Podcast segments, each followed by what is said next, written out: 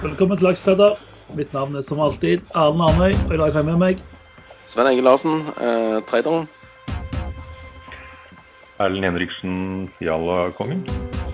Og Lars Branningen, Reideren. Velkommen, gutter. Lars, dagens høydepunkt, disclaimeren. Ja, den har jeg foran meg, vet du. Vi gir ingen råd. Dersom du hører på hva vi sier her om markedet, aksjer, enkeltaksjer og livet for øvrig, er ansvaret helt og holdent ditt eget. Eh, Det kan forekomme feil informasjon i programmet. Panelet og panelets gjester kan være lang, kort, direkte eller indirekte eksponert i aksjer, selskaper og produkter som omtales. Første børsuke i 2021 er akkurat over, og hva har dere prestert denne uka? Det har vært rolig for min del. Um, jeg har vært med i en emisjon igjen. Eh, MPC et eller annet. Eh, en, Energies Nei, MPC Energy. Eh, hos et meglerhus. Uh, fikk akkurat tildelingen. Tegna for 1,2 mil og fikk aksjer for ca. 200 000. Så det er en populær emisjon. Hvor mye aksjer fikk du, Lars, i den samme emisjonen? Jeg fikk akkurat melding om at altså Sven tegna seg jo før det var, var det eh, full, eh, fulltegnet. Nei, jeg tegna meg, meg dagen før de launcha Ja, før de launcha. Det- det Det er riktig. Så du, og du sa jo egentlig til meg også at du må tegne deg før, liksom. Så jeg tegna meg egentlig først når de skrev at boken var dekket. Da tegna jeg meg også. Eh, og tregheten gjorde jo da at de, de meldte bare tilbake at de som var så trege som meg, da var det loddtrekning, og du, og du vant ikke. Eh, og det var egentlig helt fortjent, da, når man er så treg. Du, du tror ikke bare det at de ikke liker deg, Lars, Så nå hadde de en gyldig grunn for å på en måte ikke gi deg noe? Eh, jo, det er en fair sjanse, det. eh, ja. Det kan man Gud vet. Nei, nei, jeg tror det, de opptrer ryddig. Jeg fikk jo i forrige tildeling noe som var rett eh, eh, for nyttår, så ja. Hva var det den het igjen? For jeg har glemt ut hva den eh, hette. Den vi tegnet, vi beide tegna, den heter Horizont Energy. Ja, det var det, ja. Den var jo en fin sak også. Den Den er jo ikke kom- den er ikke kommet på børs ennå, den. Nei. Men alli- allikevel har vi solgt oss ut med saftig gevinst. Men eh, Ja, altså det, den, den jo, det sier jo litt om, om, om, drivet i markedet. at vi, Horizont Energy, når jeg så på den, så tenkte jeg at den her den, den må være enkel å Jeg vet ikke om jeg skjønte hva det her var verdt, men jeg skjønte jo at det her er enkel i hvert fall å fortelle en god historie, og det er viktig for tiden. Um, og så um, tegna jeg meg, og tror det var på altså, årets siste børsdag, den 30. Da fikk jeg vel beskjed hvis jeg husker riktig, altså etter Si at jeg fikk beskjed sånn 17.30 at jeg hadde fått tildelt penger for så, så mye, for så, og så mye på kurs 19. Og så får jeg en tekstmelding en halvtime eller time senere om at nå kan du selge på 35 hvis du vil. Klart, hvis du har fått eh, sant, per minutt, så Sven bruker jo å si at det er viktig per minutt, og da satt jeg og regna med at oi, oi, oi, det her blir veldig her blir 84% tror jeg fant ut per, på noen få minutter. annualisert, da. Hva sa du? Annualisert avkastning. Ja, så mye kan jeg, klarer jeg jo ikke å regne til, selvfølgelig. Jeg, jeg liker at du sier for tildelt penger. Eh, ikke tildelt aksjer, men tildelt penger, sa du. Og det, det stemmer jo faktisk ganske godt gjennom en disse aksjene. Det er helt, eh, det er helt galskap. Ja, du vet jo aldri, selvfølgelig, men eh, akkurat det her så så det, så Et kvart, veldig et bra ut. kvarter seinere så sto han jo i 45, så vi, vi klarte jo ikke å time toppen. da. Jeg tror ikke det var Jeg tror ikke det var Jeg tror faktisk det var en uke før den gikk i 45, var det ikke det? Ja, det var nyttår og sånn imellom, men eh, Ja. så Ja, var det 45. riktig. Men uh, vi, var, vi kommer sikkert, det salget kommer sikkert til å se usmart ut. Så kan vi heller flotte oss med at annualisert og per minutt så var vi veldig flinke. Ja. Dette har ikke Men- noe med Akers Horizon å gjøre. Det er et annet selskap. Nei, nei, nei. Det var ikke noe med det. det. Det var, liksom hengt Det seg på. Horisont Energy det er en uh, ammoniakkfabrikk i Finnmark, tror jeg. Var ikke det et Stavanger-selskap, da? Horizon Jo, jo, men fabrikken skal liksom uh, være i Finnmark. OK, så, så pengene bor i Stavanger, mens uh, på en måte forurensningen den putter vi i Finnmark? Ja. Og det er jo fair.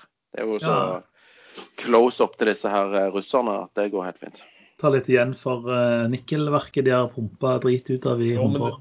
Ja da, men det Det skulle, ikke være noe miljø, det skulle ikke være noe miljøunnvennlig, det skulle være miljøvennlig. Å, sånn, ja. OK, greit. Kanskje bøter litt. Du da, eh, Henriksen, hva har du gjort siste uka? Jeg har blitt seriøs longinvestor. Jeg har en Jalla da. Masse Tinn, men uh, Tinn-film. Men jeg har gått tungt inn i medisin, Bergen Bio. Der tror jeg det kommer noe snart. Så jeg, Det er veldig kjedelig. Jeg bare sitter og ser på alle disse aksjene som går opp, og har tatt et valg om å sitte og holde på den til, til den utspiller seg, eller halverer seg. Det er, denne, det er veldig mye som skjer, men det skulle vi ikke ta det etterpå. Men jeg, jeg hørte rykter òg om at du, at du eh, er på vei inn i fjell, den norske fjellheimen. Ja. Turufjell. Du Det er litt, du brukte litt av og eh, NAS-gevinsten, forsto jeg. Ja, det er 100% finansiert av NAS, dette her. Så ganske morsomt. Norwegian finansierte hytta mi. Var- Du foreslo at du kunne kalle den Nasbu. Det var ikke så dumt, det. Nasebu. Hytte eller sånn doomsday-banker? For det er vel, du frykter vel jo dommedag, så det er vel eh, Ja. Ja, det, dette er en kombinasjon. For det første så uh, Gevinsten er jo eller, Dette er jo gjort i et aksjeselskap, og jeg driver, jeg driver et byggefirma. Det er det jeg egentlig gjør. Eh, Så det er en investering i en hytte hvor vi, hvor vi bygger selv. Og så ser vi om det blir utleie og kombinert utleie og firmabruk, eller om, om det blir direkte salg og nytt prosjekt i samme område. Det er Olav Thon og hva heter han andre? Han eh, Tollefsen, er det? Eh, Stor på eiendom i Norge og Øst-Europa, vel. Som har 20% hver. Og om fem år skal hele området, være bygget ut. Det er på andre siden av Hallingdal ovenfor eh, litt lenger nord enn en, enn- enn, eh, Hø- Høge Varde. Eh, Man tar til høyre ved Flå. Fantastisk område. Skiløyper hele veien. Man kan gå fra man kan faktisk gå fra Sognsvann i, i Nordmarka på ski opp dit. Og videre helt opp til Hemsedal. Men det var ikke noen sånn skjønnhetskonkurranse om hvem som fikk lov til å, å kjøpe der? også, sånn, hvem, hvem ville være hensiktsmessig for interessen for Jo, området? det var, eh, det, det, var, eh, det var både veiing og måling og testing. Så jeg kom, det var 100 som eh, sto i kø søknad, og jeg vant. Ok, det var, det var, Da tok du poenget mitt, da, for den var litt andre veien, for å si det sånn. Men det var sånn. Han ble, han ble vel funnet tyngst. Og da vant han. Den var ikke pen. Den var, Jeg tenker er man feit sjøl, så får man lov å mobbe andre. Det er ikke sånn det funker. jeg tror jeg gikk, gikk av meg fem eh, julekilo på skiturene der oppe. Men, men eh, det du egentlig sier, det er at eh, for våre lyttere så kan de leie seg ei skikkelig jallahytte eh, om et par måneder. Ja, det blir eh, Jallakongens utleieselskap. Veldig bra. veldig bra. Eh, Lars, har du gjort noe spennende i uka? Nei, jeg har vel egentlig ikke gjort sånn veldig mye spennende. Altså Nå er det litt sånn på en del ting som går nå, så jeg, det er vel kanskje kjent for folk at jeg liker å regne på ting. Og det er mye som går nå som er uregnelig, for å si det sånn. Altså det, det er ikke lett å fastslå noen verdier i det hele tatt. Jeg har vel vært litt inne i de som, eh, de som jeg snakka om sist gang. Um, Da snakka jeg jo om eh, en som man skulle passe litt på. Det var jo årets siste dag vi spilte inn det også. og Da sa jeg at det var en stor selger i Philly. og Her gjaldt det å passe på hvis den selgeren da var ekstra ivrig for de ville tømme seg det de skulle selge på, eh, før nyttår, så var det veldig interessant. For kursen hadde jo falt fra ja, falt, falt nesten 20 eh, Og det skjedde faktisk da. Så jeg kjøpte jo meg en del inn de siste dager der. Og så steg den kursen da. eh, ja, Den smalt vel opp en Rekulerte vel en sånn nesten 20 eh, eh, fra det nivået. Eh, Kjøpt litt mer eh, Goodtech i går. eh, Ja. Har fortsatt dette Cloudberry som jeg snakket om. Så, ja. men, men reelt sett ganske, det har vært en ganske stille uke, og, mest sitte og se på hva som skjer på børs og hva som skjer ja, utenfor børs i USA og litt sånt. Men i Philly kom det vel en dum fra en som satt fulgte med på euforien på nedsalget til fondet. Når alle kjøpte seg inn, så tok vel han en del også, som han dumpet når alle trodde han skulle ti kroner videre. Hva sa du? Han, ja, det var en som hadde kjøpt en del, ja, som, som solgte ut, ja. Men de ble vel Ja. jafsa, de ble vel jafsa ganske bra. Jeg tror kursen falt tilbake 2-3 etter å ha gått opp eh, 15 på en dag, så eh, ja. Jeg var faktisk en liten tur inn i Philly, jeg òg, etter det tipset ditt. Erlend, hva, men hva har du gjort da, Arnøy? Ja, hva jeg har gjort? Vet du hva? Eh, Dette er jo nytt år, nye muligheter og alt det der. Men jeg har fått meg ny jobb. Eh, Jeg har begynt i ny jobb, faktisk. eh, Og ikke tradet så mye. Så jeg har blitt daglig leder i et lite, lite koselig IT-selskap i Sandnes, eller Stavanger for de som ikke kan geografi. som heter Netpower Datasenter. Så jeg har min, min første uke som, som, sjef. Og det har vært spennende, rett og slett. Eh, nå har jeg jo jobbet eh, mange mange år i, store, store, store eh, konsern, IT-konsern. Og da er det veldig gøy å komme til et lite selskap og på en måte få lov å, å være med og utfordre markedet. Så det har jeg brukt mye tid på. Og så har jeg trada my mye krypto, eller holdt på mye med krypto, fordi kryptoen har gått helt bananas. Sven, hva, hva var det du solgte bitcoin din på igjen, Sven? Eh, 24 000 eh, dollares. OK. Uh, Jeg, jeg hadde sensitiv, eh, sensitiv informasjon som skulle i mitt hode påvirke den kursen negativt. ja, Det varte ca. et kvarter, det òg. ja. Hva, hva, 1174 dollar er den nå. Ja. Det går jo opp mange- med 50-100 bitcoin- dollar i sekundet. Hvor mange bitcoin har du, eh, Erlend Henriksen? Nei, jeg har ingen bitcoin. Jeg Nei, har der ser du. Ja, det, det, det, det, Litecoin har jo gått bedre enn bitcoin. Li- li- eneste, eneste grunn til at du fortsatt har de litecoinene, det er fordi at du har mista den der passordet så du en gang for ti år siden Nå ligger. Litecoin på 172 dollar for én, og den lå på 40 sånn litt, for, for, litt før jul. Det blir mye hytte på deg nå om litt. Det ble sånn light-hytte. Eh, sånn Det er eh, nabohytte. Skal finansiere Whirlpool, nei, heter det for noe sånn eh, jacuzzi. eh, Eh, og spa-avdelingen. Eh, Ja, da har du lite lightcoin, hvis det er liksom så, Eh, så lite vi snakker om. Ja, nå, jeg, jeg, jeg, nå- planen er å kjøpe nabotomten også, da, bygge opp en jacuzzi, spa-avdeling til eh, altså anneks til hytta. Moskitopalje? Nei, Jeg liker klamydiakoker bedre. Men uh, Litecoin opp eh, 131% siste måned. Så den er jo det er fint for de som har det. Jeg har faktisk litt Litecoin. Jeg har uh, en del Ethereum. Den er bare opp 117 på en måned. Hva Så kalte litt- du dyret? Ethereum. Ja, ikke, ikke med den i-en. Jeg, Jeg, jeg vet ikke hva du hører. Du, du hører, hører feil. Jeg hører Ethereum, jeg. Men ja, jeg eh, vet det. Ethereum. Ethereum. Ja. ETH. Det må være eh, dialekten. Han bruker der hvor du bor. Nei. Nei, han, han bor jo mye lenger inn i landet. Jeg bor ute med kysten, mens han er jo eh, nesten i Sirdalen. Sven bor på det der området som har lukka av. For det er sånn, eh, det er sånn eh, koronautbrudd hos På Sven. På. Ja, det er faktisk ikke kødd engang. Ja, det er faktisk det her òg nå. Så eh, vi får bare bli hjemme og trade bitcoin og, og, og rocke med, med IT-selskapet. Vi snakket jo Siste episode så snakket vi jo om eh, Black Swan 2020. Eh, unge lovende Henriksen. Ser du, jeg, jeg mobber deg ikke bare, jeg er òg hyggelig med deg. Eh, var årets soleklare vinner. Eh, vi har fått eh, hundrevis av meldinger som eh, ber oss om ikke la Henriksen få lov å spå Black Swan for 2021. Eh, men det driter vi i, for vi, vi trenger noen spådommer. Så jeg tenker vi Erlend, kan, Ja. kan, jeg få, kan jeg få bryte litt inn? Ja, Jeg tror jeg var, jeg tror jeg var sju-seks dager unna å være rimelig eh, klar. I hvert fall andreplassen fikk jeg vel uansett, da, men i hvert fall krøp jeg meg litt inn på eh, Henriksen med borgerkrig i USA. Den satt ikke helt feil, den, men det var feil år, da. for, for å si det sånn, Du kan bare gjenta den i år, Lars, og vinne. vent, vent til 19. januar. Ja. Fordi eh, Nå leser jeg i går at eh, eh, altså det var jo egentlig nå skal vi ikke være så politiske, men det var jo hovedsak bare bygdetullinger som var demonstrert i Washington sist. Alle snakket om Proud Boys, men det var ikke Proud Boys der. 19.1 har flere grupper sagt at vi skal til Washington med våpen. Så da tror jeg Black Swan din slår til. Da kan det bli stygt. Men uh, uansett, Ja, la oss ta har jo funnet, uh, funnet to rørbomber i DC, da, og det er jo ganske typisk uh, Proud Boys. Det er jo veldig mange tidligere elitemilitære uh, i den avdelingen som klarer å lage sånn. Og en av sjefene i Proud Boys, lokalsjef, han som la beina på bordet til i Pelosis kontor, han er lokalsjef for Proud Boys. OK. Men det er òg mulig at de setter inn litt mer eh, beredskap da.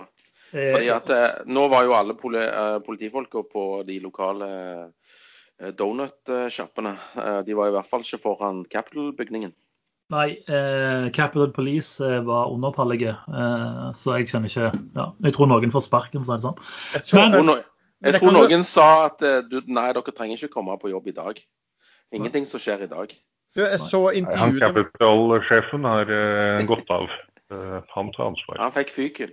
Jeg så det var en, det var en sånn general som hadde vært involvert i noe sånt, som har av, avgått. Og det var også en sånn, sånn sjef en, høyt oppe i fransk etterretning som fortalte liksom at han sa at det er veldig, når det skjer sånne ting, det skal være demonstrasjoner og sånn, så er veldig, han mente at liksom, det, det er veldig klare regler. og At fran, franskmenn hadde jobba mye sammen med amerikanerne for hvordan man gjør det. sånn at som han sa at En amerikaner kunne omtrent komme til Frankrike og, og håndtere og styre hvordan det her skulle håndteres. Og Han sa at han var helt sjokkert. og, og han var, altså Deres oppfatning var vel at noen hadde vært involvert fra politi og, og kanskje forsvar her. For som han sa at når du, du setter da alltid en grense ganske langt utenfor eh, eh, stedet, for å si det sånn, capital, og de barrierene må være sterke. Og, og når du ser at folk begynner å skal bryte på de, så bruker man alltid å ta ut de første med en gang, rett i jern, arrestere. Ikke sant, Ja. gjøre de tingene. Men ingenting av de tingene ble gjort. Med en gang de begynte å vugge litt på den, så bare åpna det jo. Ja, ja. Politiet åpna jo sjøl. Så han, de sa jo at her må det ha vært noen som har vært eh, eh, involvert her, og som har gitt beskjed. Altså, som ikke har vært veldig ivrig på å få inn nye folk. Og Trump bytta vel også. Bytta vel toppen i Forsvarsdepartementet og bytta folk i Pentagon og sånn. Video på CNN i går som viste deg en gruppe politimenn etter at de hadde stormet bygningen. Gikk bort til noen sperrer og åpnet sperrene og slapp inn flere. ja, ja. Eh, og det er òg film når de går her er inn. det er også film, Jeg vil gå så langt som å si at dette, er, dette var et direkte kuppforsøk. Hvis man ser på videoene fra forkanten, det var en stor demonstrasjon eh, noen timer før, hvor både Donald Trump, eh, Giuliani, han advokaten, og Donald Trump jr. på hver sin måte oppfordret folk, folk til å møte opp foran Capitol. Skulle gå sammen. Donald Trump sa til og med at han skulle gå sammen med dem, noe han selvfølgelig ikke gjorde, han feigingen. Eh, og Donald Trump jr. sa at vi skal gå etter de senatorene og kongressmedlemmene som ikke stemmer eh, for å eh, blokkere valget. Eh, og vi kommer til å like det. Og Guliani sa at eh, man klarer ikke å oppnå makt uten å bruke vold. Og Donald Trump var ikke bedre. Dette er helt, helt soleklart et direkte kuppforsøk hvor politiet og Forsvaret var blitt bedt om å holde seg unna. Eller Men, blokkert skal komme og hjelpe til. men men, men for å trekke det litt inn, så har vi fått spørsmål, vi har fått spørsmål også på, der folk stiller spørsmålet Når dette skjer, hvordan kan da børsen dundre oppover? Det var jo fordi at eh, altså, markedet reagerte jo eh, ned bitte litt. eh, fra ca. 2% opp til 1,3% opp. Så, så det falt jo 0,7 prosentpoeng. Men uh, det er jo fordi at de ser, de ser jo ikke bevæpna. og og eh, det, det kommer jo til å bli rydda opp i. Noe som det òg ble tre og en halv time seinere. Så det var ikke noe sånn major event, egentlig. Og eh, FBI Field Office Washington har eh, lagt ut hundrevis av bilder på Twitter med If you know this person, please contact FBI Field Office Washington. Så det er mange som får hyggelige brev i postkassen de neste ukene. Ja. Og, og Trump var, Trump var ute og sa i, i dag at eh, ja, han deploya National Guard uh, eh, umiddelbart. Noe han da uh, altså ikke gjorde. Men Black Swans, skal vi begynne med, begynne med Lars? Ja, kanskje jeg skal gjøre det. Du, du stjal han rett og slett? Rett Nei da, jeg hadde tenkt, foran meg. Tenkt ut en annen, en, og den var litt sånn, kanskje litt i grenseland for hva du hadde i fjor, som du bomma grovt på. Så det, i år ble det min. Men den går egentlig på Jeg bruker jo alltid å si det, og det har jo vært liksom mantraet også, er jo 'Don't fight the Fed'. Black Swan min for uh, 2021 er 'Fight the Fed'.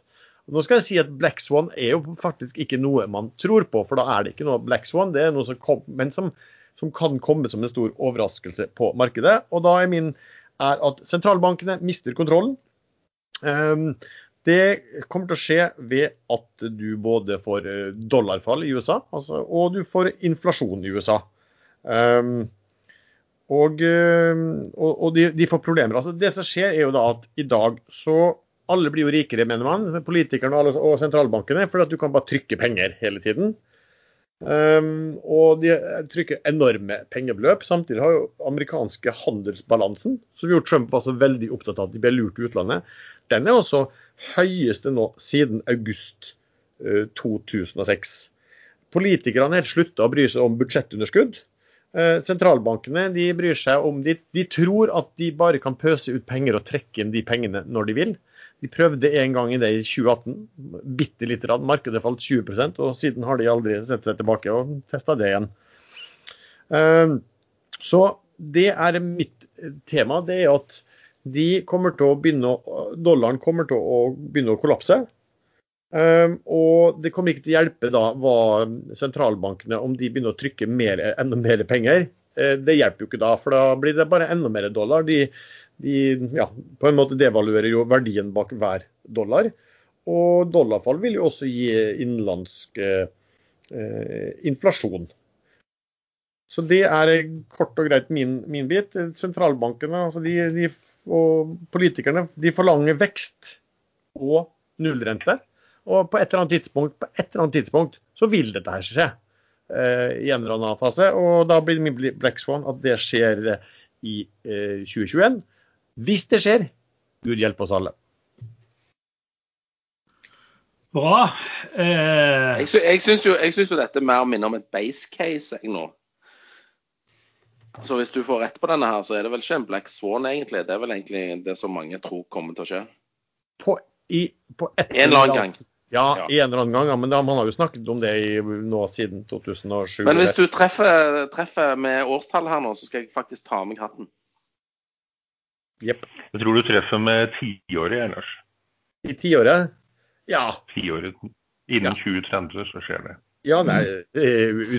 Det er jo black swan, så jeg sier også at det kommer til å skje. Fortsett, fortsetter de sånn som nå, så vil det skje. Um, fordi ellers, som jeg alltid sier, hvis man bare kan trykke penger uten at det har uh, noe eh, nedside, uh, så hvorfor skal vi betale skatt? Ikke sant? Alt underskudd. her- Staten kan bare finansiere seg på nytrykkede penger. Så det, så det går ikke over tid, selvfølgelig. Sven, vil du komme med din eh, Black Swan nå, eh, siden Lars stjal din egentlige? Ja, siden han jeg hadde, Det var kun den jeg hadde satsa på. Eh, sånn at jeg er helt uforberedt. Men jeg har tenkt litt de siste dagene etter jeg fikk den triste beskjeden fra Lars. Ja. Eh, du rappe eh, min nå, da? og, hæ? Jeg skal rappe Jeg- min nå, da. Nei, din er altfor dyster. Eh, men eh, den, er, den er veldig fin, den òg. For hvis din slår til, så er min enda bedre. fordi at jeg tenker der, der kommer et eller annet fra verdensrommet. Eh, det blir min Black Swan for 2021. Og valget står mellom en asteroide eller romvesen. Type invasjon av aliens. Men eh, jeg, jeg tar asteroide fordi at eh, når da eh, Henriksen sitt eh, opplegg slår til, og alle sitter med salgsopsjoner, så kommer der, eh, eller med, med bear-posisjoner og er negative til markedet og alt faller, så kommer det en jævla asteroide og bare viper ut hele jordens overflate, og ingen får cash inn. Det er min eh, Black Swan for 2021. Jeg håper jo selvfølgelig ikke at den skjer. Og da, blir jeg ikke kåret til vinner heller. Du, du vil, hvis du da sitter med masse shorts, så slipper du å løse inn shorten. Det er jo gull. Jo, sitter du med mange, masse longs òg, så, så, så sliter du da òg. Ja, jo, den, den aliensen din, du kunne jo hatt den. Du kunne jo kombinert med min, men at det kom aliens til jorda som trykte penger, liksom. Nja, eh, nei, den alien jeg, kan du faktisk spinne til eh, at hvis de knytter kontakt med mennesker, så får du jo eh, astronomiske nye markeder, og børsen går jo til himmels. Jeg vil vel tro at sannsynligheten for at aliens som kommer og besøker oss, at de er eh, voldelige, er større enn at de er snille. Greie. Da er vel en ikke, for at ikke vet jeg, men eh, jeg går, jeg går for asteroide, da. Det er bare å se på jorda. Det er Hver gang vi har oppdaget et nytt kontinent, så har det ikke gått så veldig bra med de som bodde der fra før. Ja, altså, det er kun eh, nedside her, for hvis jeg vinner, så vinner jeg jo ikke likevel. Jeg er, sånn, jeg er dømt til å tape. Nei, Sven, vi vet det. Før asteroiden treffer, så, så vet man at den kommer. Vi vet noen dager før. Ja, det er sant. Vi ser han jo det i det fjerne, liksom. vi, vi rekker å sende deg noen sånn vinmonopol-gaver. Eh, Post, posten er så treg, treg at jeg får vel de eh, Altså, jeg får bare hentelappen, og så pang. da eh, sparer Henriksen sin til slutt, siden det er det mest dyster. Sånn at de som vil spole forbi, rekker å spole. Eh, jeg hadde jo hacking i fjor. Eh, Men eh, det hackes jo hele tida, så det er jo ikke spennende nok. Men uh, i år så tror jeg faktisk at kineserne havner i en væpna konflikt med, med, noen. det kan være et naboland, det kan være Sør-Korea, det kan være Japan eller det kan være USA. men det blir iallfall avfyrt skudd.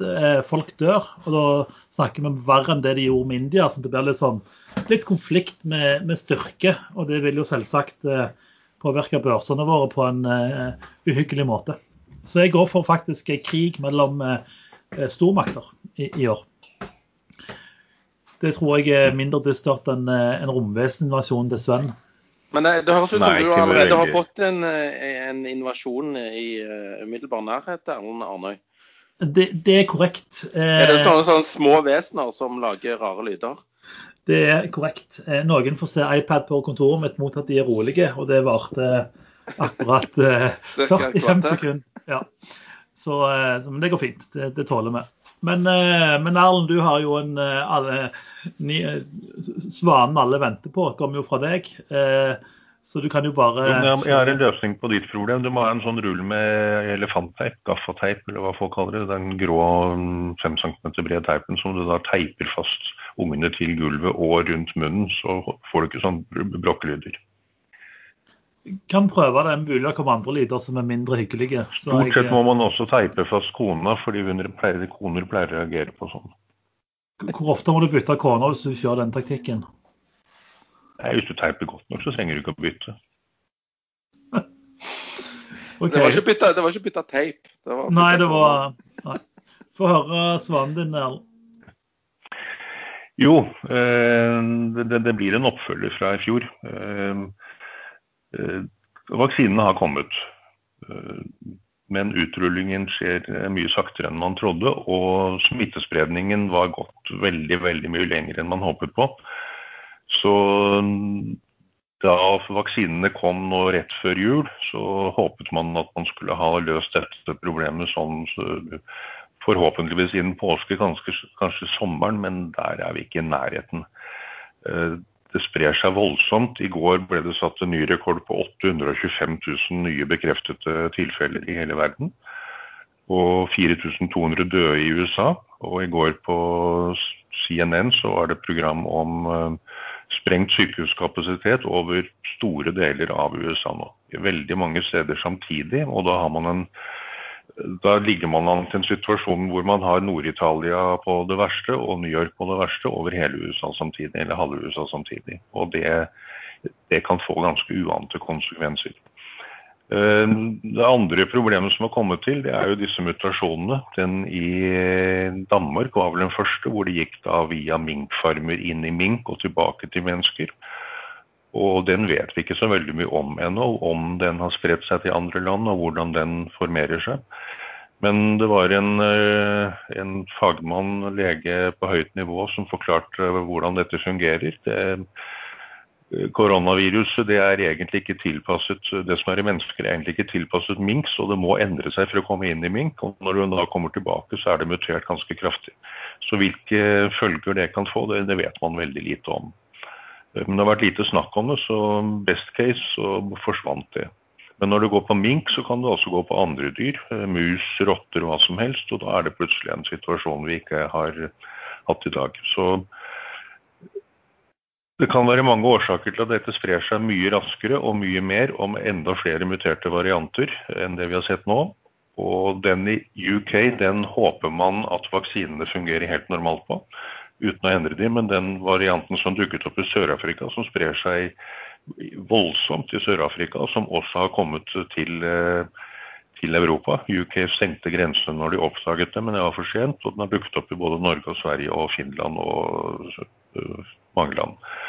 Og den varianten den eh, vet ikke ennå, de vet ikke sikkert, men det er en del endringer på, mm, på dette spike-protein, eller jeg kan ikke dette, disse uttrykkene.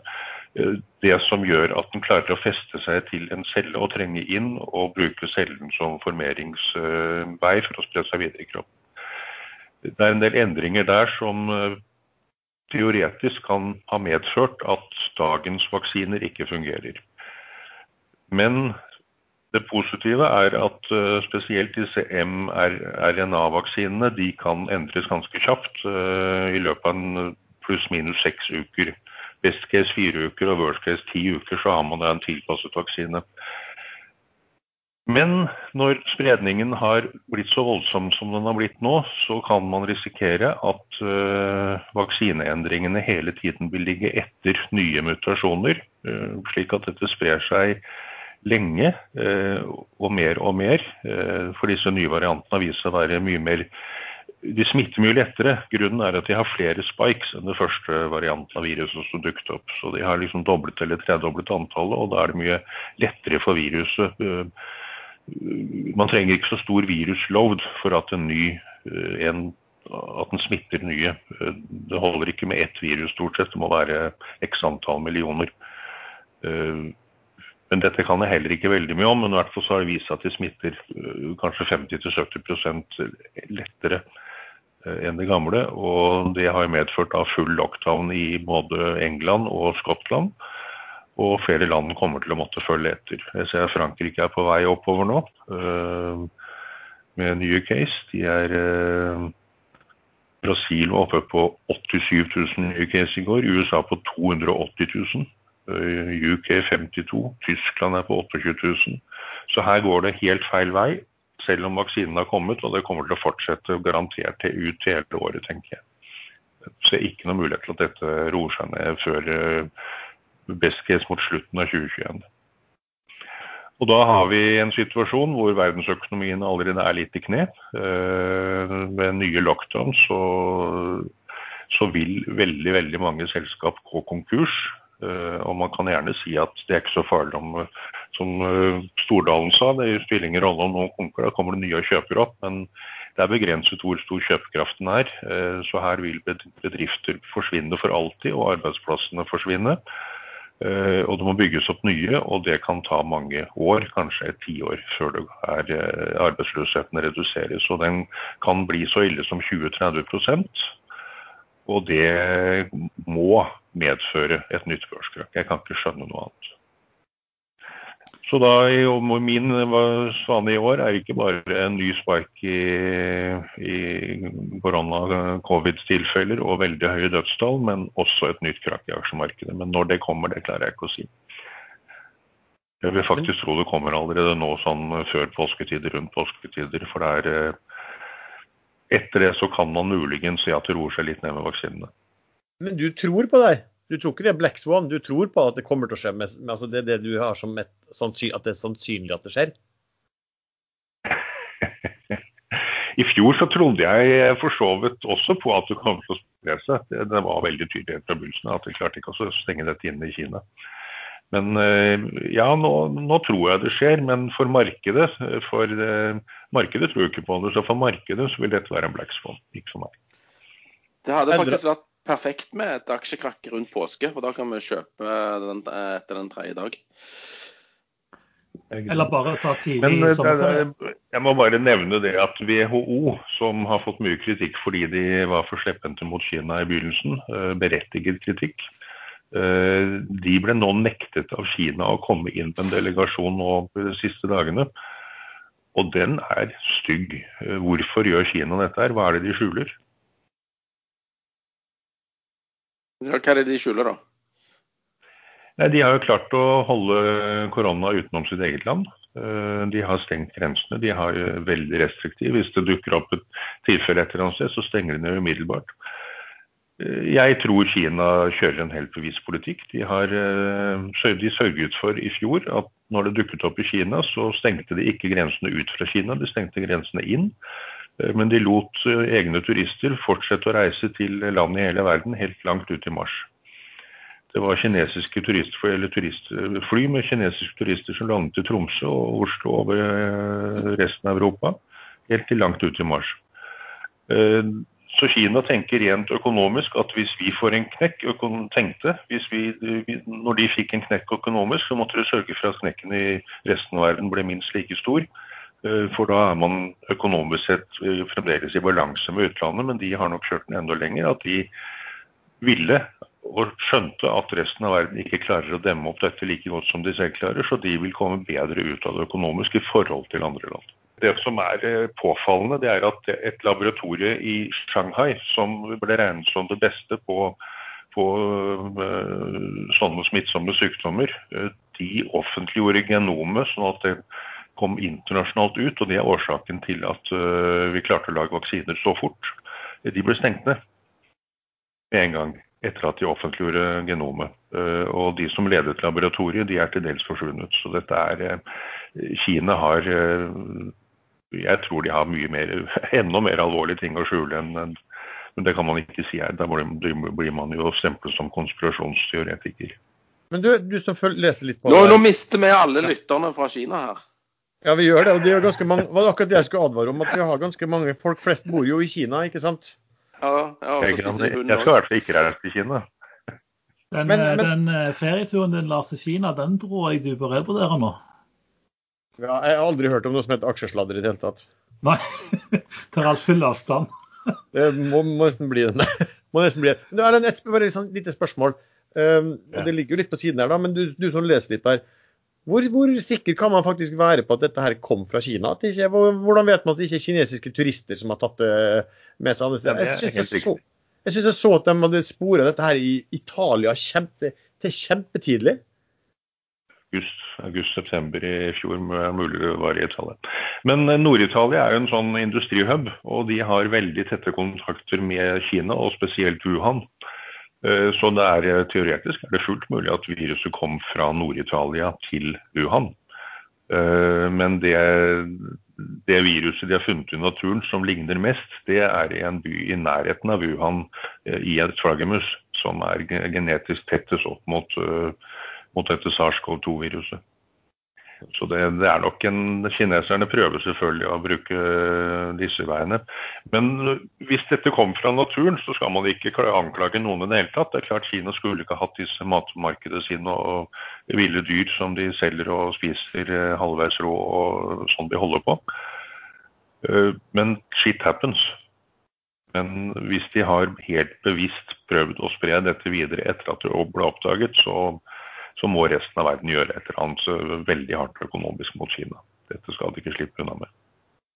Så da har vi, da har vi litt sånn at Fed fight, fight, the Fed, og så, har vi, hva var det, så hadde vi eh, asteroide, og så hadde vi kinaputten til eh, Arnøy der i Kina, og så hadde vi covid... Eh, Kinaputten? ja. ja, hvis ikke det. det, talt. det Alien Innovation, Kinaputt og covid 2.0. Nei, ikke alien. Asteroide. Sånn var det, ok. Men jeg har en tradingstrategi òg når, det gjelder min. Eh, hvis den mot formodning skulle vise seg å slå til, eh, og du ser et eller annet eh, på himmelen der som er retning sør, så, så skal du bare kjøpe alt på børsen. Du kan umulig tape. Nei, altså bare ta opp lån, kjøp alt du ser. Fordi at hvis det går bra, så kjenner du eh, graps. Eh, går det dårlig, så who cares, liksom. Hvem skal hente inn pengene? Ja, du, du, regner med at aksjemarkedet knekker når den er på vei, og da kjøper du alt? Eller? Ja, du trenger ikke, Det kan stige for min del, men altså, du bare kjøper alt. fordi at eh, Går det bra, så stiger det. Og eh, går det dårlig, så så har du ikke noen omsetningsplass for aksjene dine.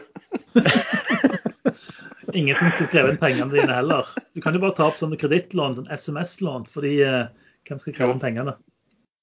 Da må jeg endre strategien min. Jeg girer aldri, jeg bruker bare den cashen jeg har. Så da må jeg uh, sørge for å få de høyeste kredittlinjene på hos Hva har de på, sta på stand, standby? Alt blir til støv, liksom? Ja. Mm. Du, du Men jeg, har, dere, har dere sånn noen tradingtanker rundt hvis deres eh, svaner skulle slått til? Hva skal vi gjøre, Lars? Eh, hvis din slår til?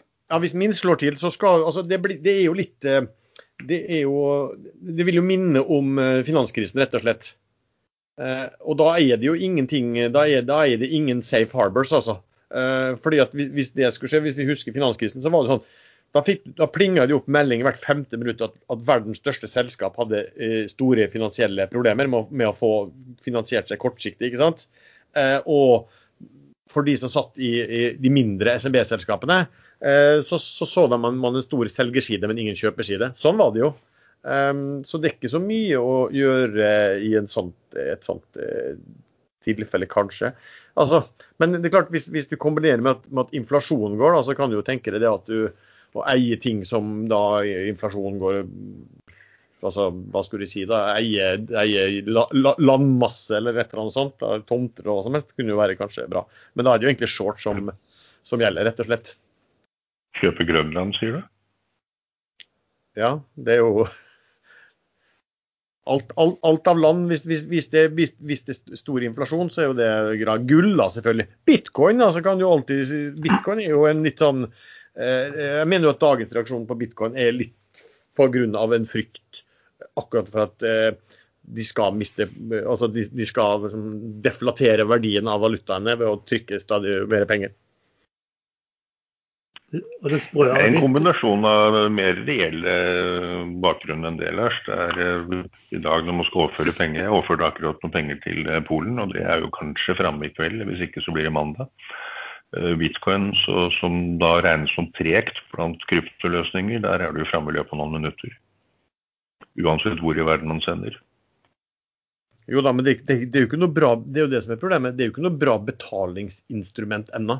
Altså, du, det er ikke så mange steder du kan betale for. Der har det jo svikta. Det, det, som har blitt det, er jo at det har blitt et, hva skulle si, en sånn store, value store, på en måte. Eh, på samme måte som gull. Selv om gull har jo fysiske, visse fysiske um, ja, bruksmåter også. Egenskaper. Men det som er litt bra med bitcoin, det er at det i hovedsak er store institusjoner og selskaper som drar kursen, og at det er ikke masse små tradere. Eh, jeg kjørte en eh, liten eh, uhøytidelig spørreundersøkelse blant de tusener av følgere jeg har. Og over 50% har aldri eid krypto. Og dette er folk som investerer på børsen. Så veldig mange tror at veldig mange eier bitcoin, men sannheten er at det er veldig få som egentlig har begynt på kryptokjøret ennå. Så ja, jeg tror ting kan gå mer. Men det er bare, bare meg. Eh, men Lars? Nei, det, jeg er enig der. Nå kommer jo gamle Norwegian Enerkjos og disse og skal børsnotere sitt eh, kryptotradingplattform. Så det blir, det blir, mer og mer tilgjengelig for vanlige mennesker. Det, det er mye enklere for nordmenn å, å føle seg trygge med å laste opp passet sitt eller annen dokumentasjon, bank-ID f.eks., og kjøpe ut krypto via et norsk selskap, enn å laste opp passet sitt til en eller annen Coinbase eller eh, Byfinance eller Binance eller hva de heter. Eh, til noe man egentlig ikke vet hvem står bak. Det må man jo hvis man skal trede der. Ja, det er krav på de store børsene. Men det er jo bare å se den siste børsen i Norge, Miramex, hvordan de har vokst i desember og til nå i januar. Det er helt absurd å se hvordan volumet vokser. Så eh, mange får opp øynene. Bare korrigere, bare korrigere Lars litt. Man kan bruke krypto faktisk med bitcoin nå til å kjøpe. I Kina så åpnet av den største elbilprodusenten, NIO, opp for at man kan betale bilene med bitcoin. Jo, jo, til en viss grad, men det har ikke slått igjen sånn som man snakket om for noen år siden. at det her skulle bli et, eh, altså, det er ikke noe på, på mange, altså Strengt tatt er det ikke noe gangbart eh, betalingsinstrument i dag. Tenk hvis du skulle betalt Tenk hvis du skulle betalt med dette i kassen på, på, på Rema, liksom. Det er jo blitt den, kø, den køen. 15 minutter å vente. Altså, ting, tingene Bitcoin vil aldri være egnet for betaling fordi det er for treigt, men det vil komme kryptoer som er raskere. Men, eh, men ja. Jeg syns eh, utviklingen i krypto nå er kjempespennende. Og det er mye seriøse selskaper, bl.a. PayPal, som hiver seg på toget. Så hvis man eh, liker risiko, så er det en uh, fin plass å, uh, å, å, bruke litt tid. Uh, og vi holder vel på med et lite kryptoprosjekt på si, Lars, og så skal vi ikke si noe mer. Stemmer det. Ja. Så kan Verdien av all krypto rundet 1 trilliard dollar i, for et par dager siden. Ja, bitcoin er verdens femte største valuta, tror jeg. så. Du regner verdien av det som er utstedt? Jeg så bare Nå er på 40 000 dollar. Hva når, hva når den kommer til 100 000 dollar eller 1 million dollar? Når han er på 1 million dollar, så har bitcoin halvparten av verdien til alt gull i verden. Så jeg akkurat noen poster. Så eh, nei, da er mer å gå på. Dagens sponsor er som vanlig IG.com. IG.com er en stor internasjonal nettmegler som er notert på børsen i London. Og Lars, eh, den siste dagene har det jo vært en del uro i USA. Eh, gjerne litt før og etter åpningstida på børsen. Og IG de har en løsning for hvordan du kan eh, sikre deg eller utnytte denne uroen. Ja, det er klart at Når du sitter og følger med på, på det som skjer i, i, USA, så har jo mye skjedd mens den norske børsen er stengt. Eh, og Da er det jo fordelaktig å ha tilgang til eh, et instrument hvor du kan handle på den tiden. Og på IG er det jo selvfølgelig sånn at de har en utvidet åpningstid. Og da kan du også handle amerikanske aksjer. Og du kan jo også, hvis du ja, er redd for hva som har foregått og foregått, så kan du også shorte amerikanske aksjer. Du kan altså dra nytte av volatiliteten i markedet.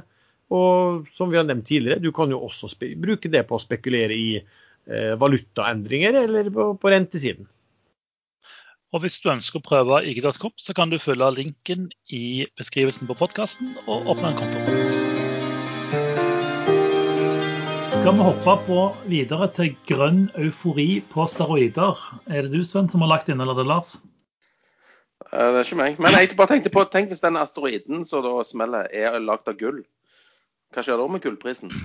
Eller diamant. Eller diamant, ja. Karbon. Eller krypto, eller kryp, kryptonitt. Litt av en karbonfangst i så fall. Kryptobombe, rett og slett. Kryptobombe. Men eh, ok, skal vi snakke litt om en grønn eufori. Eh, før sending så nevnte jeg at eh, det ene grønne fondet mitt er opp 15% på to dager, som jeg syns er helt absurd eh, grønnvasking av børsen foregår i, i, større grad enn noen gang. Vil du si mer om det, Lars?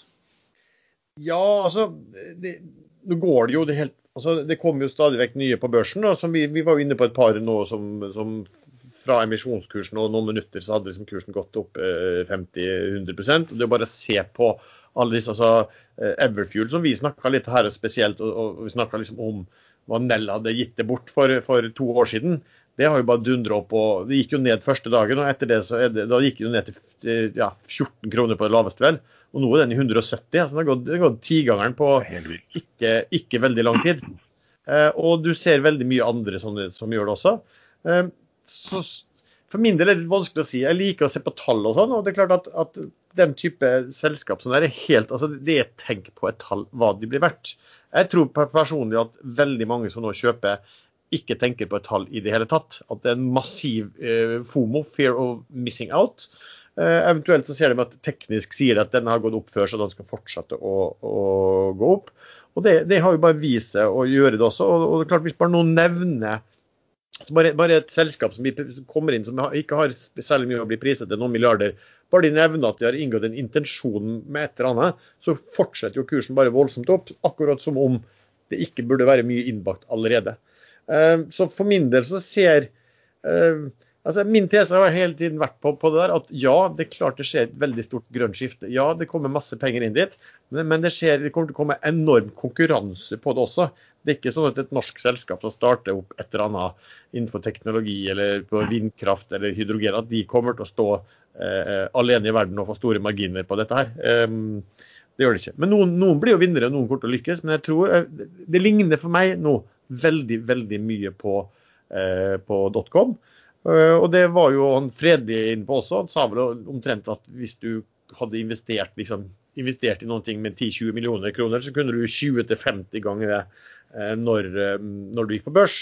Eh, og det vil jo tilsi da, som han sa, at da kommer jo alle til å løpe på børs. Og det er det, det jeg tror kommer til å skje.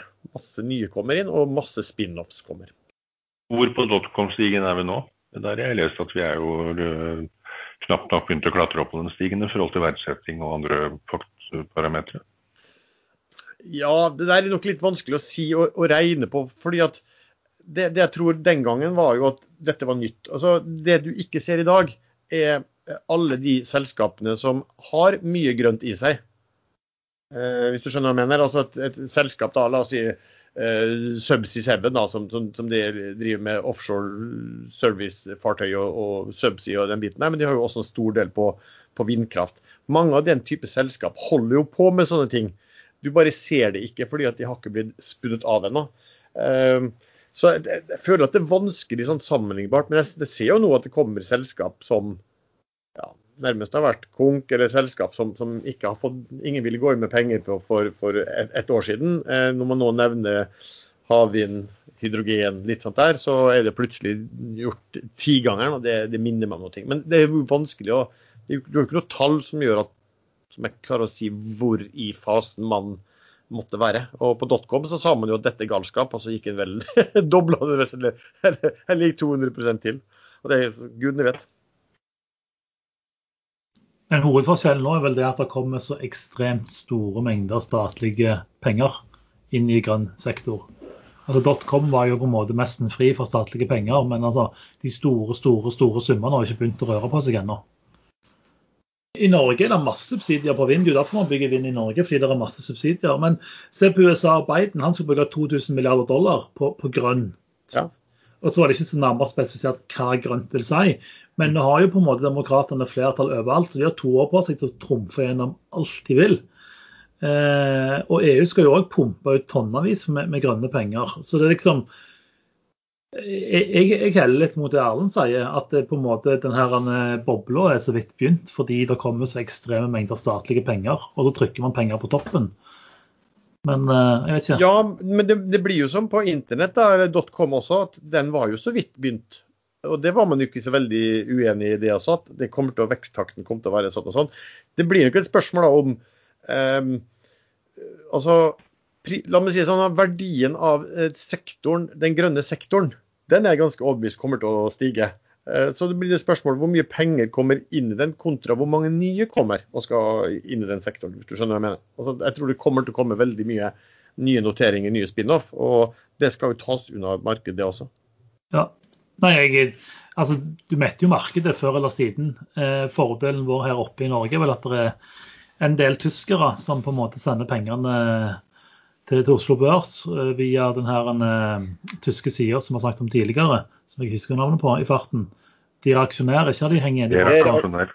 Det er aksjonær. Ja. Så, så, så, på en måte, det, det, er jo en, det, er jo en, grunn til at folk vil notere seg i Oslo på, på Euronext Growth. Eh, fordi det er så mye penger der, men det må jo ta til slutt en gang. En gang. Sier du at det er en slags invasjon av tyskere her nå eh, på gang? Jeg vet ikke. Det er jo flere selskaper hvor det er fryktelig mye tyskere. Ja, det er ikke, eller, det er ikke så bra sist gang. Nei, de gjorde ikke det. De reiste jo hjem etter hvert. Arne Fredli var vel ute og sa om, om han eh, der aksjonær at han, han, var en eh, blogger som styrte norske ESG-er, og hadde det ikke vært for han, så hadde aksjekursen vært 80% lavere. Det er vel litt sånn eh, ja. Der fyrer, som han kalte han. Hva hadde han kalt han da? Nei, han gjorde ikke det. Nei, jeg gjorde ikke det. Se på Tesla nå, premarked 847 dollar.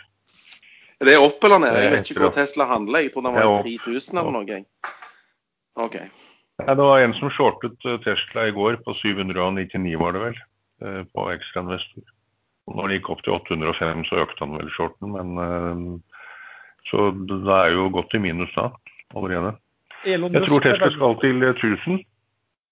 Det er sånn magnet. Eh, nesten 1000, og så tar den en liten pause, ramler litt, så folk tror at nå er den ferdig, og så drar den rett videre til 1200-1300. Musk ble, Musk ble verdens rikeste mann i går. Mm. Det er ganske sykt, det. Men, ja, det, eh, det er ganske, ganske fantastisk. Eh, men Lars, eller Sven, eh, Arne Fredli hadde jo flere eh, ganske interessante utspill. Han mente jo 60-80 av børsen at shipping er svindel. Hva, hva tenker panelet om dette? Nei, jeg, jeg, så faktisk den, hvis vi kan kalle det TV-sendinga, eller podkasten til, til, Hegnar, da, som ble eller, sendt på, nyttårsaften. Selv om han var spilt inn før jul. Jeg er, jeg, jeg er, litt enig med Fredlin når det gjelder disse shippingselskapene. Det er jo veldig mange av de der de største eierne òg har managementselskapene som sitter med forskjellige sugerør ned i kassen. Så den cashflowen som de da eh, får i disse selskapene, så tilfaller mye av dette her rett til eierne via disse sugerørene. Og, og det, det, virker jo som det er en allmenn eh, akseptert praksis i den bransjen der. Så jeg er ikke uenig med, med, med Fredelig på det punktet. Men, men, men hva selskaper typisk er det man snakker om da? Eh, Greske shippingselskaper med okay. en eller annen greker i, eh, i, i førersetet. ja, men er det noen eksempler? Som, altså, hva, hva selskaper snakker vi om, liksom? Altså, Nei, men så, selskapene ah, nei, det vil jeg ikke si. Men altså, du hadde Dryships, eh, og mannen bak der har- har òg andre selskaper. Men altså, de opererer på samme måten. Og det selskapet som jeg klarte å rote meg inn i statene i en emisjon, dette her eh, Synergy, som òg er en bulkoperatør. Eh, der òg eh, management suger ut verdiene. Men vi har jo også sett det i andre ting innenfor, innenfor rigg, og vi har sett det altså innenfor offshore, blant annet også, der man har managementselskap hvor det kanskje det folk ikke har vært helt klar over, er at de som da kanskje har vært sånn drivende eiere, også har sittet med et sånt managementselskap som har fått provisjoner av eh, hvilke dealer som kommer inn, eh, og også har managementselskap eh, bak. Der fikk jeg akkurat melding om at jeg hadde solgt eh, MPC Energy på 55. Den som ble tegna på 38,5 her for en, en time siden. Gratulerer.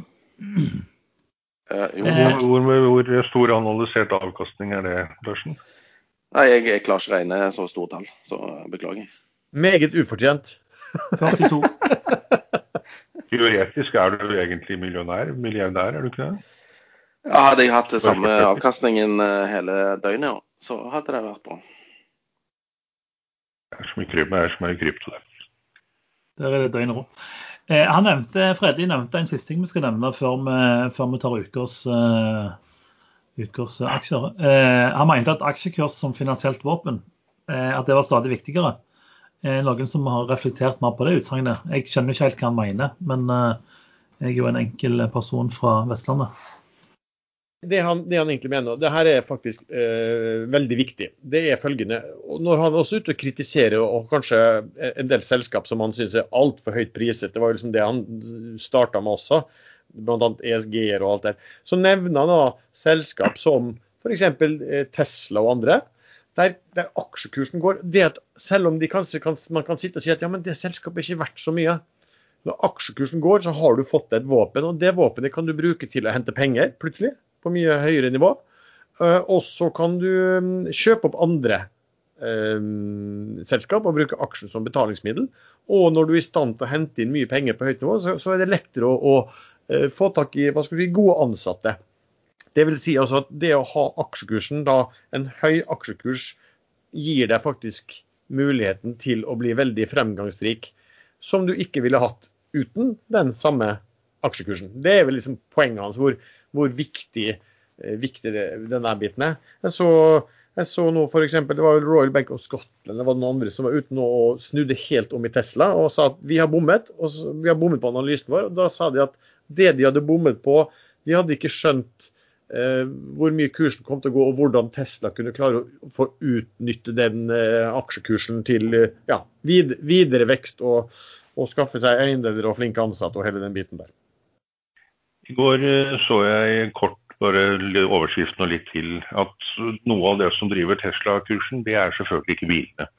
Eh, Der har jo eh, både ansatte høyt oppe i systemet tidligere sagt at når, når det blir spurt hvor mange biler må de selge for å forsvare aksjekursen, så svarer de null.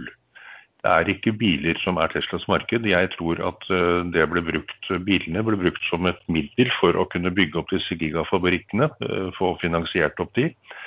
Eh, Det er batteriene i alle variasjoner og alle størrelser som er framtiden. Og det de sa i går var at utility-markedet på batterier det kommer til å vokse, og det kommer til å bli gigantisk.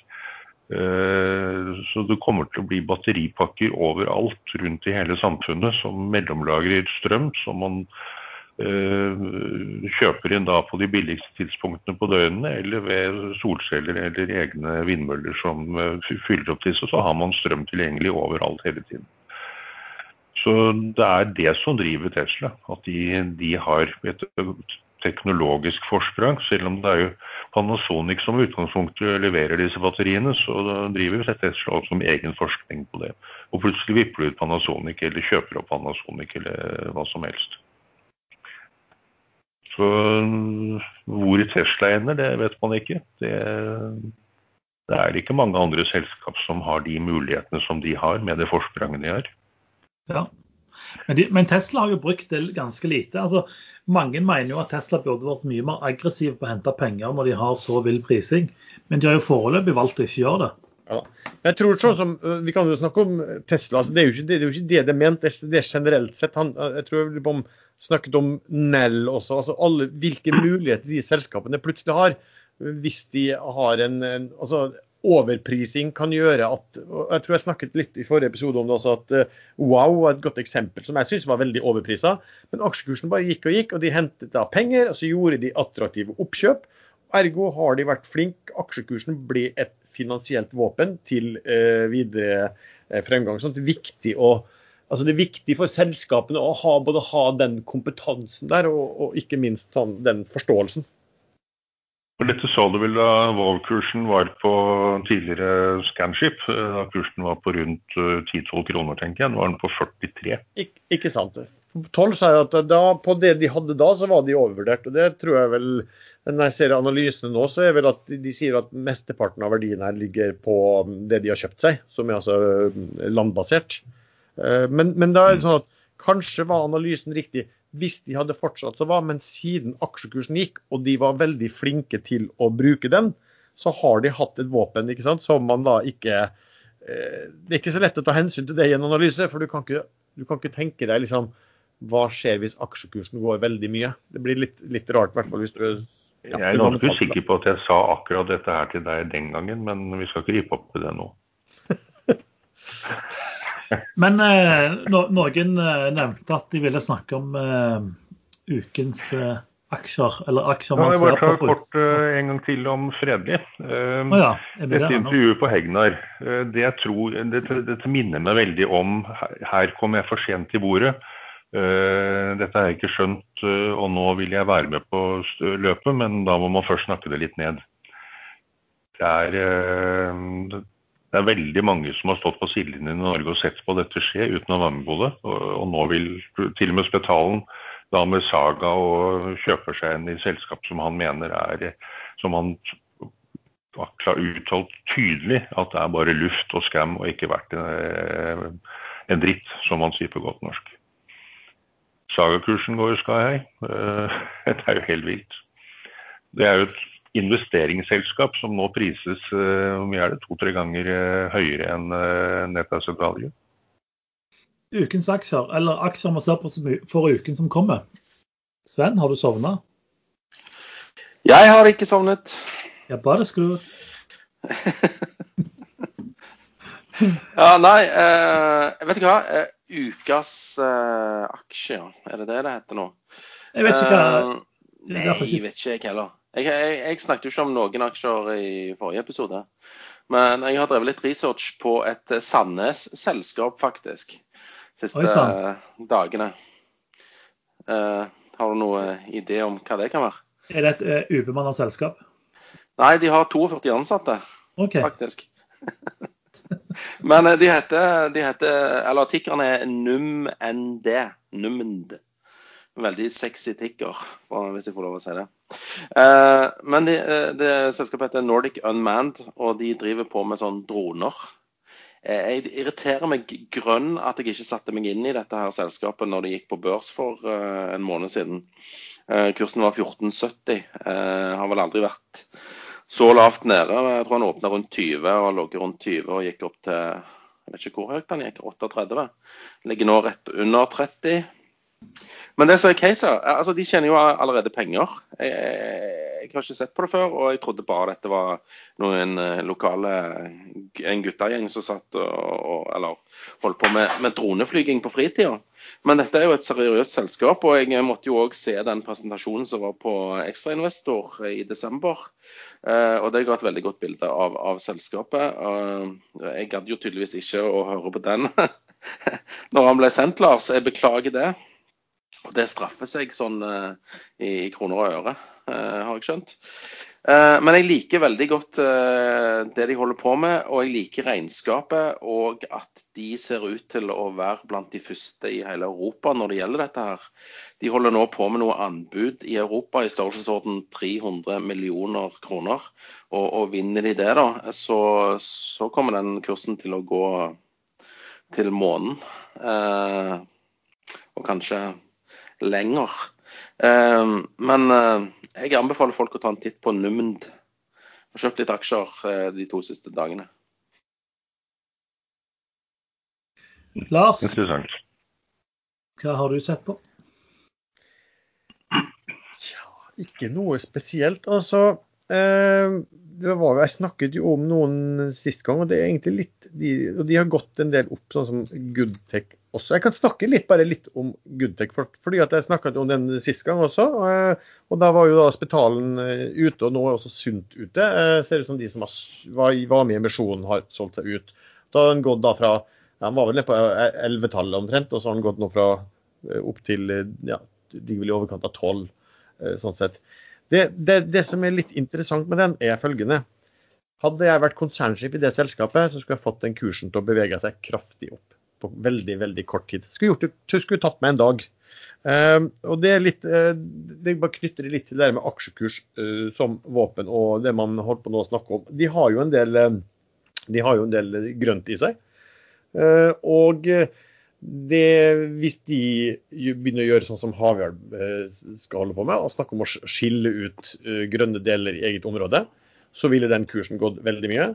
Mitt tips er jo da selvfølgelig få en posisjon, skaff dere en posisjon inn i et eller annet hydrogenprosjekt. Det passer egentlig godt i hva selskapet holder på med. Og i det øyeblikket nå du nevner eh, hydrogen, eh, så er det faktisk sånn, uansett hvor marginalt det må være, så, så, så, doble, så går kursen fort, fort, dobles kursen fort. Uh, så den, den, ser jo ikke sånn den, den ikke, De har hatt en problem med inntjening, men i forhold til bok og, og hva de omsetter for de områdene, så, så burde det egentlig være uh, ganske sexy. Så hvis de har fremoverlent De har fått en ny, helt ny toppleder nå som har tiltrådt nå i disse dager. Men hvis de er fremoverlente og hører litt på Arne Fredelig om dette med hvordan du kan bruke aksjekursen som våpen, så bør det her bli veldig bra. Hvis de skal være de tregostene som de faktisk har vært i over noen år, så trenger det ikke å bli det. Et annet poeng som er viktig eh, triggermessig for Goodtake, det er jo følgende at det er jo ingen analytikere som følger det selskapet og har lagd analyse på det. Men det ble gjort en emisjon der via Carnegie nå for en måned siden. Og det er jo sånn at Når meglerhus eh, tilrettelegger for emisjon i et børsnotert selskap, så har de en sperrefrist. Dvs. Si at eh, da kan de ikke lage en offentlig analyse på én måned. Nå er det akkurat gått én måned. Så jeg tror det er stor grunn til å kunne forvente eh, den første analysen på selskapet, og da fra Carnegie, i løpet av kort tid. Apropos hydrogen, mens jeg husker det. Disse her Nordic Unman de har jo faktisk laga en sånn hydrogendrone. Og den eh, rekkevidden på den er dobbelt av de batteridronene de har, som er like store. Det er litt sånn artig. Det er artig. Fine bomber, det. Ja, jeg skulle til å si det samme. Flygende hydrogenbomber. Kanskje det er eh, marked for det i, eh, ja, i Forsvaret. Eh, Henriksen, du har noen eh, aksjer du ser på som vanlig, antar jeg? Ja. Eh,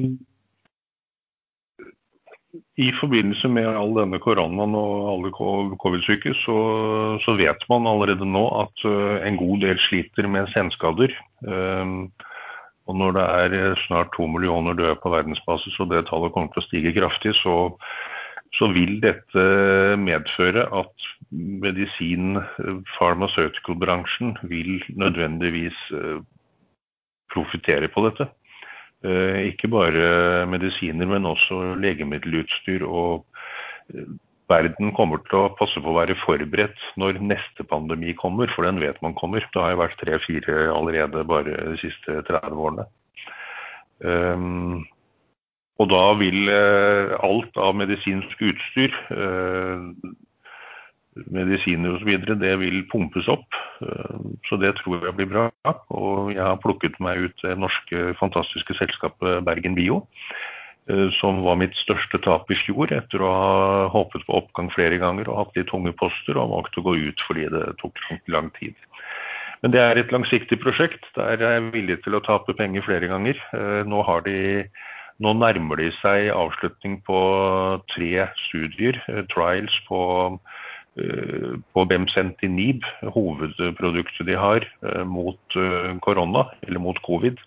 Hvor de skal få ikke de alvorligste syke til å bli friske, men de som er like før de blir alvorlig syke til å bli et, par hakk bedre på en skala fra 1 til 9. Og da kan man, eh, hvis dette funker, og det, det, vet man nå i løpet av noen få uker, da burde disse tre trialsene være ferdig med alle sine pasienter, og dette avleses først på slutten, så man vet ingenting nå. Eh, men CEO-selskapet, han Gottfried eh, et eller annet, som jeg aldri husker navnet på, han engelske, han er, virker ekstremt positiv. og De har nå også økt produksjonen av Bemcentinib Bemsentinib for å kunne stå klare med nok produksjon når de leverer søknaden om hurtiggodkjenning. Så de er, Det er såkalt fase 2-studie, så de må på en eller annen måte inn i et fase 3-studie. Men uh, hvis dette funker så godt som de håper på, uh, så tror jeg det vil være så viktig at de på en eller annen måte får en godkjenning for å behandle veldig mange pasienter. Uh, og da vil det komme inntekter derifra. Men i hele fjor så, så sa jeg at hvis dette covid-studiet ikke blir noe av, hvis det er for dårlig resultat og det blir avblåst, så vil kursen halvere seg. Det tror jeg ikke lenger. Eh, for nå er de ferdig med fase to på to studier. Det er både lunge mot kreft, eh, lungekreft og blodkreft. Eh, og der ligger de nå like før melding om oppstart fase tre. Og det er absolutt ikke umulig at de da kommer til å børsmelde at de får inn en større partner når de skal kjøre fase tre-studier på disse. Og da tror jeg aksjene vil gå sky high, og det tror også analytikerne. Så Jeg husker ikke om det er eh, DNB eller Sparebank1 som har en analyse hvor de gir 10 sannsynlighet for eh, at covid-studiet funker, og 20% for at de går videre med kreftstudiene. Og da er kursmålet 65. Nå er kursen 30-33 kroner. Ehm, så med 10% sannsynlighet for covid og 20% for kreft og kursmål 65, så er det jo lett hoderegning. Så ser man at her snakker man høyt tresifret ehm, på sikt. Og jeg selv et eget lite morsomt kursmål på 1000 kroner i hodet på den. Eh, og det er slettes ikke umulig at det slår til. Ikke i morgen, men eh, du tror alt skal til 1000 du nå? Ja, det er, det er sånn det er. Det er magneter. Tesla skal til 1000, og Bergen Bio skal til 1000.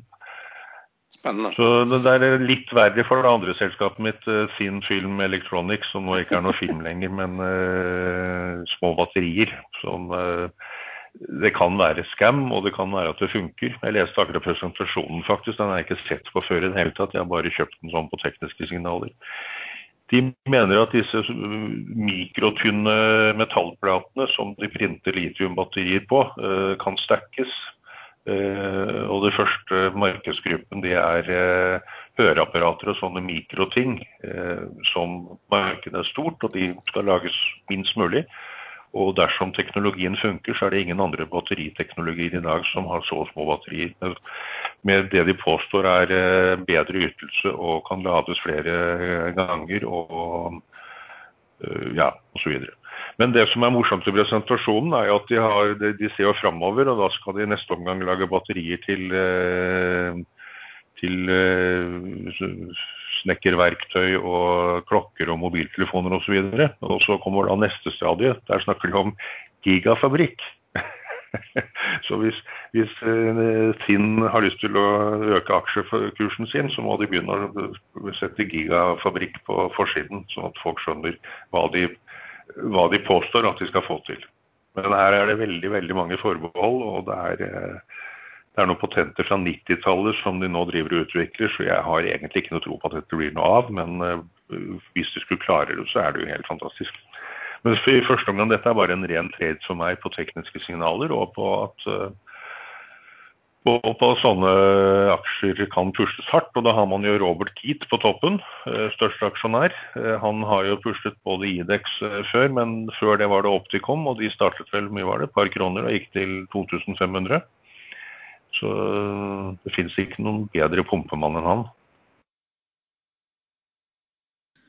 Høyrisk. Var dere med på, var dere med på Opticom, noen av dere?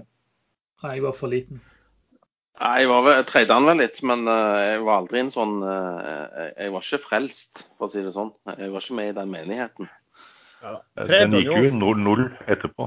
Ja, da. Tredje året nå også husker jeg at det, det, det var ingen skjønte faktisk noen ting. Og så var det et meglerhus som fikk leid inn en eller annen som studerte i USA til å vurdere dette her, da. Og, ja.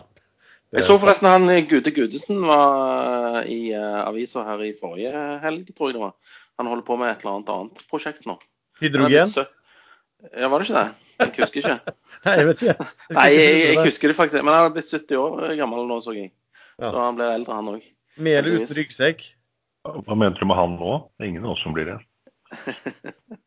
Nei, men jeg, jeg syns, jeg syns det, det var litt merke, eh, artig med, med Tinnfilm, da. Eh, Som lager så små batterier, og så skal de lage gigafactory. De burde jo minifactory ja, eller sterke. Ja, ja, Bare ja. Men, ja, jeg skjønner. Eh, jeg har eh, to, to aksjer jeg følger med på. Eh, det ene er gaming, eh, og den andre er ikke gaming. Eh, og det er Starbreeze, som er selskap med noen kontroverser de siste årene i Sverige. Eh, men de holder på med et spill, eller de har et spill som heter Payday 2, som kom ut i 2013. Som har levd og levd og levd, og fått utvidelse på utvidelse på utvidelse. Det har eh, en plass mellom 10 og 20 millioner eiere. De har sikkert lagt 30 eller 40 sånne DLC-er, eh, og de har på en måte eh, dette ja, De har egentlig definert Game as a Service med, med det spillet. Eh, Starbreeze har nesten vært konk. De har klart å overleve. Eh, nå har de annonsert at de holder på med Payday 3. Alle som kan regne, vet at de må ha inn penger for å klare å fullføre det spillet. Eh, så det betyr at kursen skal hypes mot en emisjon. Så jeg har puttet den i porteføljen. Eh, høy risk fordi det kommer en emisjon, men den kommer ikke på dagens kurs. Den kommer mye høyere. Og Når vi ser hvordan svensker priser gaming, og her er det en av de største IP-ene i eh, i, i svensk gaming som på en måte får nytt spill, så har jeg stor tro på at dette kan gå langt. Den andre aksjen har vi snakket med før, og det er jo Svens, eh, en av Svens sine yndlingaksjer, nemlig HTOO, eller H2O. Eh, Den pleier jeg å kjøpe på rundt 16 dollar. eh, Og så selger jeg den når den passerer 20 dollar. Nå har han akkurat dippa 16, eh, eller ned på 16-tallet tidligere i uka. Jeg og mange andre kjøpte oss inn, og nå i skrivende stund ligger den på 1878. Jeg tipper den skal over 20 som vanlig, og da kan man selge den. Og så kan man kjøpe den igjen på, på 16-tallet en uke senere. Så det, det er de to aksjene jeg skal tjene penger på denne uka. Eller neste uke og uka etterpå. Du, HTOO. Um, nå har jeg jo solgt ut den, men nå husker jeg ikke. Hva, hva, eh, du og Sven følger godt med på den. Hva er markedsverdien på, på den nå? Hvis du gir meg ett sekund, så er den ca. 172 millioner dollar.